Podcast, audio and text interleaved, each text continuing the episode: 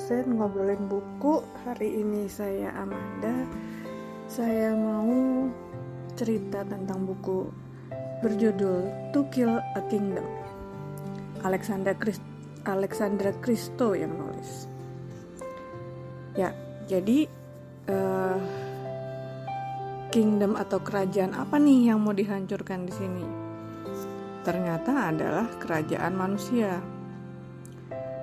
Siapa yang mau menghancurkan kerajaan manusia ini? Buku ini bercerita tentang siren, makhluk mitologi yang digambarkan punya suara sangat merdu dan memikat manusia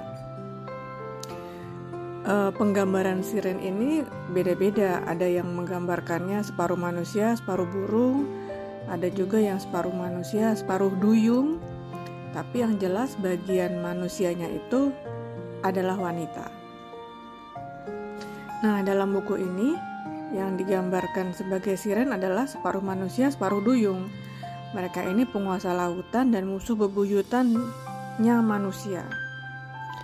Jadi e, cara kerjanya siren itu membujuk manusia dengan e, suara merdunya dengan menyanyi sampai si manusia itu seperti tidak sadar e, seperti terhipnotis gitu kemudian terjun ke laut.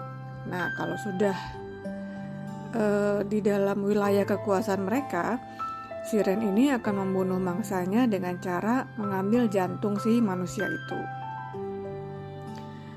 Nah, dalam cerita ini, laut dikuasai oleh Sea Queen.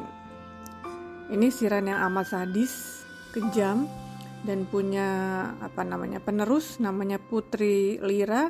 Ini juga hmm, sosok yang kejam. Nah,